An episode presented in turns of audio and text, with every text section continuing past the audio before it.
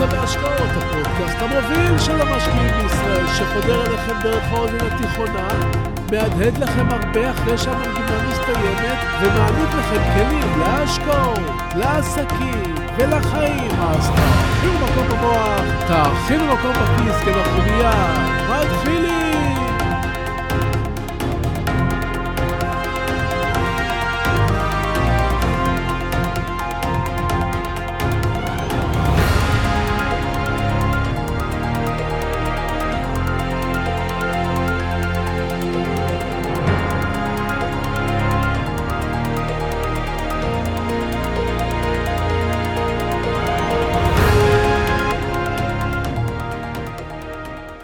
בראשון למרץ 1920 הוביל יוסף טרומפלדור קבוצה של לוחמי ההגנה לקרב על תל חי מול פלוגה של בדואים בראשות כמיל אפנדי. זה היה קרב מר ועקוב מדם. בקרב הזה נפצע אנושות יוסף טרומפלדור ולוחמים נוספים מההגנה. באותו ערב הגיעו מכפר גלעדי לטפל בפצועים הדוקטור גרשון גרי ואברהם הרצפלד. הם בדקו את טרומפלדור ומצאו את מצבו קשה, קשה מאוד. הם החליטו לפנות אותו לכפר גלעדי כדי לתת לו טיפול טוב יותר, עם אמצעים טובים יותר. אולם טרומפלדור מת בדרך ולא זכה לאותו טיפול. עוד באותו לילה כתב הרצפלד לחבריו במרכז החקלאי על האירועים ומה שהתרחש, בין היתר כתב כי כאשר הגיע ליוסף טרומפלדור ושאל אותו לשלומו, ענה טרומפלדור, לא נורא, כדאי למות בשביל ארץ ישראל. בשמונה במרץ כבר פורסמה בעיתון הארץ כתבה שבה נאמר כי מילותיו האחרונות של יוסף טרומפלדור היו אין דבר. טוב למות בעד ארצנו. עם השנים האלה, המילים טוב למות בעד ארצנו היו לסמל המאבק וההקרבה, דימוי לאומץ לב ושימשו לסמל הגבורה וההקרבה של הלוחמים בקרב תל חי. האמרה הונצחה בשירים רבים ושימשה מנהיגים רבים, ביניהם בן גוריון, בהספדים ובטקסים. המילים טוב למות בעד ארצנו נשארו סמל הירואי, והן לא מאומצות על ידי כל מועמד לגיוס כשאיפה למות בעד ארצנו. יש איפה להבין שלכל סיסמה ולכל אמרה יש את המקום שלה. ולא נכון לקחת כל משפט, אמרה או פתגם ולהפוך אותם לדרך חיים, כי האדם מיסודו חפץ חיים. וטוב למות בעד ארצנו, זה משפט גדול. אבל כולנו יודעים שלא טוב למות בכלל. אני רוצה לקחת אתכם עם התובנה הזו לשוק ההון. יש בשוק ההון אמרות רבות, ורבים מהמשקיעים הצעירים לוקחים משפט אחד ובונים ממנו תיאוריה שלמה, בדיוק כמו שהם לוקחים התרחשות על גרף ובונים סביבו סיפור שלם, שספק אם בכלל יתרחש. קחו לדוגמה את המשפט המפורסם של וורן באפט, שאמר, מניות קונים כשיש דם ברחובות. וורן באפט התכוון לסיטואציה מאוד מאוד ספציפית שמתרחשת בשווקים בארצות הברית. כשיש פאניקה גדולה, ומניות של חברות מעולות נזרקות על ידי גופים גדולים כמו קרנות, כי הציבור מוכר קרנות, והקרנות מוכרות מניות בכל מחיר כדי לשלם כסף לאלה שמכרו את הקרנות. ואז אפשר לאסוף מניות של חברות מעולות ורווחיות וחזקות בהנחה ענקית. בדיוק כמו שקרה כאן בשנת 2020, כשמניות הבנקים נסחרו ב-60% מההון שלהם. זו סיטואציה מאוד נדירה וספציפית, והיא לא מתאימה למקומות בעולם כמו רוסיה או סין, כי שם המשטר שונה והכלכלה עובדת בצל המשטר ולא כלכלה חופשית ודמוקרטית. אמרה נוספת שמשקיעים נוטים לאמץ בלי קשר לכוונה האמיתית שלה היא buy the deep. האמרה הזו מיוחסת גם כן לוורן באפט, שהתכוון שוב לקנות מניות טובות אחרי ששוק ההון נשחק עד דק והוא לא מעניין את המשקיעים כבר. ונראה כי השוק קרס וייקח לו הרבה זמן להשתקם ולעלות מחדש. לזה הוא התכוון. משקיעים צעירים לקחו את המשפט buy the dip ולא הבינו אותו. הם ראו בכל תיקון של מניה dip, והם ראו בכל ירידה dip, וקנו הרבה מאוד דיפים, עד שהמניה באמת הגיעה ל dip. הם קנו עליבאבא ב dip של 280, ב dip 240 דולר, ב dip 190 דולר, ב dip 150 דולר, ב dip 110 דולר, ב dip 80 דולר, וה dip נראה שלא נגמר. וורן באפט התכוון לרצפה ממש, אבל הרבה משקיעים קונים בכל המדרגות שהם מובילים אליה. כשוורן באפט אמר שהוא קונה כשיש דם ברחובות, הוא לא התכוון לדם שרוסיה משאירה באוקראינה, כי במקרים כאלה, בשוק ההון הרוסי החוקים אחרים לגמרי. לרוסיה לקח עשר שנים לבנות אמון עם מערכת הכלכלה העולמית אחרי הנפילה של ברית המועצות. עשר שנים שגופים לא הכניסו לשם דולר, כי הם חיכו לראות האם המשטר באמת יתחלף, ואיתו המנטליות הישנה. וככה לאחר עשור, לאט-לאט נבנה אמון, והכסף אז התחיל להיכנס. והנה, הרע מכל קרה. וכל החברות ההשקעה בורחות מרוסיה, ועכשיו האמון שוב התפרק לגמרי. וכדי שהוא ישוב, ייקח המון זמן, אם בכלל. אז זה שמניות רוסיות מדממות, זה לא אומר שכדאי לקנות אותן. בדיוק כמו שטוב למות בעד ארצנו, זה לא אומר שעל החיילים לשאוף להיפגע, ההפך הוא הנכון. ושמרתם לנפשותיכם. אז כשאתם לוקחים ציטוט, ושיהיה מהאדם הכי אמיץ או מהמשקיע הכי חכם בעולם, רגע לפני שאתם רצים לממש אותו, תבינו קודם כל לעומק למה התכוון המשורר, ובאיזה הקשר. כי מניות רוסיות שנשחטו לא בהכרח יהיו הדבר הבא. מאחר שגם כשתיגמר המלחמה, יהיו מספיק חשדניים שלא ירצו לקחת סיכון, שמחר לא יחליט מישהו לפלוש לבלארוס או לפולין. ולכו תדעו מה מסתובב בראש של פוטין. ועכשיו, בואו נדבר קצת על uh, ג'נטריפיקציה. מה פירוש לא יודעים מה זה? אה, לא, לא, לא יודעים בכלל? טוב, בשביל זה אני פה, הנה זה בא. שלום וברוכים הבאים לפודקאסט בורסה והשקעות, הפודקאסט המוביל של המשקיעים בישראל. והיום נבין את תנועות הכסף, נדבר על כסף, על עושר, על עסקים ברוסיה, על עסקים בארץ, על נדל"ן, השקעות, ועוד כמובן דברים מפליאים. אז תהיו ממוקדים, תאכינו מקום במוח, תאכינו מקום בכיס, כי אנחנו מיד ממשיכים.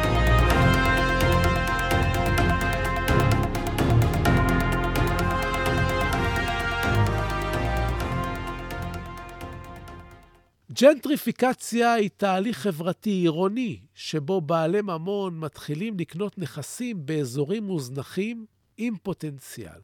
קחו לדוגמה את יפו או שכונות ישנות בתל אביב, כמו נווה צדק. לפני עשרות שנים גרה שם אוכלוסייה חלשה, שעם השנים הזדקנה. בתים רבים ורחובות שלמים היו מוזנחים ומחירם היה נמוך בהתאם. דמיינו לעצמכם בית בן שלוש קומות ביפו, ישן, מוזנח, קירות מתקלפים, דירות קטנות, רקובות, תשתיות רקובות, ואין מי שישפץ, כי בעלי הנכסים חיים מהיד לפה. אנשים מבוגרים בדרך כלל, שהפרוטה לא מצויה בכיסם. עכשיו, למקום הזה מגיע יזם או אדם עשיר שמדמיין לעצמו על השטח בית ענק מול הים, או בניין ברחוב ציורי ביפו. הוא מוכן לשלם לכל אחד מבעלי הדירות מחיר יותר גבוה ממה שהדירה שווה רק כדי שיצאו. אם למשל דירה נמכרה בבניין במיליון שקלים, יציע אותו יזם או אדם עשיר הצעה שבעלי הדירות לא יוכלו לסרב לה, ויתחילו לקנות דירות בבניין. לאט-לאט הוא ישתלט על הבניין, ובעקבותיו יגיעו עוד חברים, ויתחילו לקנות נכסים באזור. תוך כמה שנים הם יהרסו את הבניינים ואת הבתים ויתחילו לבנות בתי מידות מפוארים, והאוכלוסייה הענייה תנצל את ההזדמנות למכור במחיר טוב וללכת למקום אחר. לאחר עוד שנים המקומות האלה יהפכו למקומות יוקרתיים, שמחיר הנכסים בהם יהיה גבוה, והשירותים במקום יהיו ברמה גבוהה, והרחובות ישופצו, וזו בעצם ג'נטריפיקציה, דחיקת האוכלוסייה החלשה ממקומות מרכזיים, והכול כמובן חוקי. אז קודם כל, כמשקיעים, אני נותן לכם נקודת הסתכלות נדל"נית ראשונה באזור מגוריכם. חפשו מקומות כאלה, שאולי כבר החל בהם תהליך של ג'נטריפיקציה. ואולי תוכלו לרכוש נכס שם, נכס בזול, שאפשר יהיה למכור אותו בעתיד במחיר גבוה יותר. חפשו בתים מוזנחים במקומות שעשויים להיות נחשקים, ליד הים. ההשקעה הזו לא מתאימה לכל אחד, ואורך רוח ביחד עם הון נדרשים כאן, אבל תפתחו את העיניים. תמיד אפשר להיות יצירתיים. הנקודה הנדל"נית השנייה שאני רוצה לתת לכם היום היא יצירת קרקע חדשה ואני לא מתכוון למטאוורס. מחיר של דירה בנוי משני מרכיבים, מחיר הקרקע ועלות הבנייה. דירת חמישה חדרים חדשה עולה בתל אביב חמישה מיליון שקלים, ובחדרה שני מיליון שקלים. עלות הבנייה למעשה זהה. אתם מבינים? זה יכול להיות אותו אדריכל ואותו קבלן שבנו בדיוק את אותו בית, אלא שעלות הקרקע משחקת פה תפקיד. מחיר הקרקע בתל אביב הרבה יותר גבוה ממחיר הקרקע בחדרה. כלומר, מה שאנחנו צריכים זה קרקע במחיר טוב במרכז. הבעיה שמי שמסתובב בתל אביב ובערי המרכז למשל, יודע שאין מגרשים. אז איך יוצרים קרקע? התחדשות עירונית. כאן אני בא לתת לכם זווית נדל"נית וזווית בורסאית חדשה להתבוננות. כיצד לייצר קרקע? אז כדי לייצר קרקע, התחברו להם בצומת אחת הרבה גורמים שיש להם אינטרס משותף. הנה למשל המדינה. המדינה שרוצה בניינים חדשים עם ממ"ד שיעמדו גם במלחמות, וגם ברעידות אדמה, וגם רוצים לשפר את היצע הקרקעות בלי שזה יעלה להם כסף, ועוד לגזור קופונים בדמות מיסים.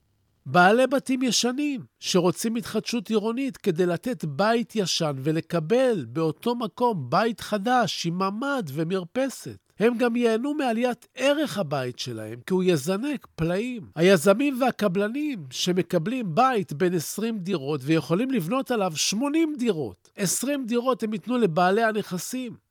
בעלי הדירות הישנות, וגם ישכנו אותם בשכירות על חשבונם עד שהפרויקט ייגמר. אבל הקבלנים והיזמים יקבלו עוד 60 דירות לבנות, שהם כוללים גם דירות גן ופנטהאוזים למכירה באזור מבוקש.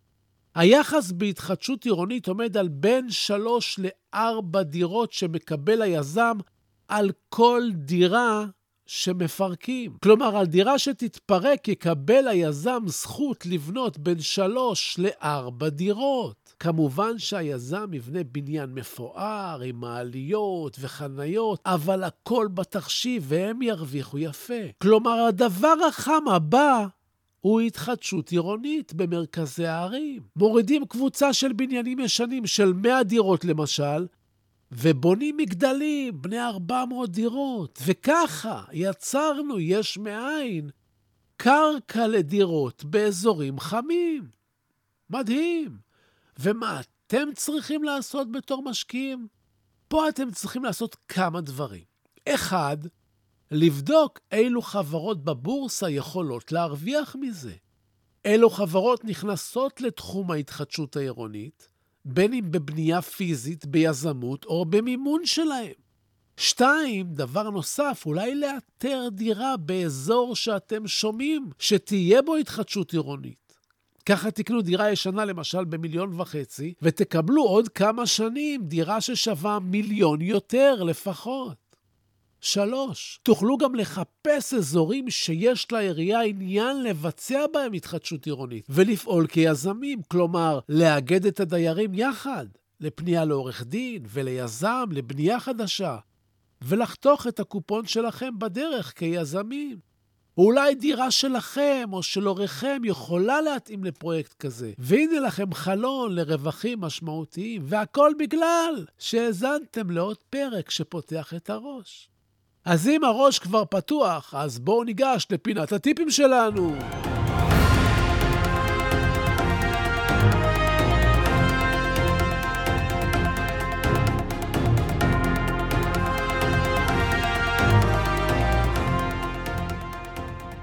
אחד המשפטים החזקים של וורן באפט הוא שאף פעם אין רק מקק אחד במטבח. כלומר, אם מצאתם אחד, סימן שיש עוד הרבה. והוא התכוון שאם לחברה מסוימת יש בעיה אחת, זאת אומרת שיכול להיות שיש עוד הרבה בעיות שיצופו ויעלו בהמשך. כן, כן, אני כבר שומע כמה מכם אומרים, כן, אבל אולי זו הזדמנות הבעיה הזאת. ואני אומר לכם, חפשו הזדמנויות בחברות בלי בעיות. זה הרבה יותר קשה, אבל הרבה יותר משתלם, בייחוד כלכלית. וכשאתם רואים את האריה השואג עכשיו בתל חי, ושאתם מזדמנים לשם, תמיד תזכרו שהוא הוקם לכבוד טרומפלדור.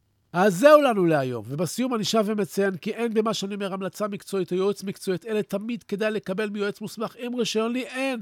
אני רק משתף אתכם במה שאני חושב, המניות שאני לפעמים מדבר עליהן כאן. אתם צריכים לדעת שאני לפעמים קונה מהם ולפעמים מוכר מהם, ואני אף פעם לא מנסה לכוון אתכם לבצע פעולה כלשהי, אלא רק בדיוק לגרום לכם לחשוב. לחשוב, לחשוב, להפעיל את הראש. תודה על התגובות החמות, תודה על השיתופים. תמשיכו ותפיצו, וככה נגדל יחד. תודה.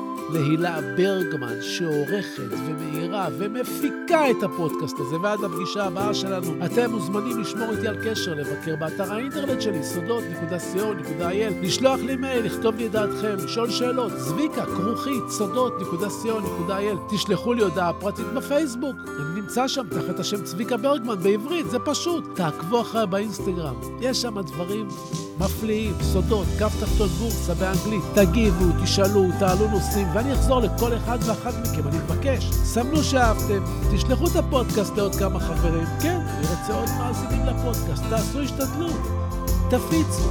תודה רבה שהאזנתם לי, ואל תשכחו להירשם לקבלת עדכונים באפליקציה שאתם מאזינים בה. ככה בכל פעם שעולה פרק חדש, תקבלו הודעה. בשורות טובות, הלוואי שתתעשרו בהקדם. אני הייתי צביקה ברגמן, ואנחנו ניפגש בקרוב.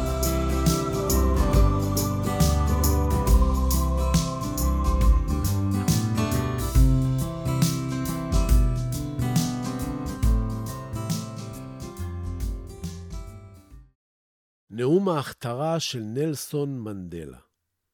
הפחד העמוק ביותר שלנו אינו מפני חוסר היכולת. הפחד העמוק ביותר שלנו היא הידיעה שעוצמתנו אינה ניתנת למדידה. האור ולא הצל, האפל שבנו, הוא שמעורר בנו חרדות. כל אחד מאיתנו שואל את עצמו, מי אני שאוכל להרשות לעצמי להיות כל כך מבריק, מקסים, מוכשר ומאושר. למעשה, מי אתה שתרשה לעצמך לא להיות כזה? אנחנו ילדים של אלוהים. כשאנחנו בוחרים לשחק את המשחק הקטן, אנחנו לא משרתים את העולם. אין שום דבר נאור או מואר בצמצום האישיות שלנו, רק כדי שאנשים ירגישו נוח בחברתנו. נולדנו כדי לממש את הקסם האלוהי הגדול בנו, הוא לא גלום רק בחלק מאיתנו. כל אחד מאיתנו נושא את הקסם הזה בתוכו. כאשר אנו מרשים לאור הפנימי שלנו לזרוח באופן בלתי מודע, אנו מאפשרים לאחרים לעשות את אותו דבר כאשר אנו משתחררים מהפחדים שלנו. הנוכחות שלנו משחררת אחרים. נלסון מנדלה, 1994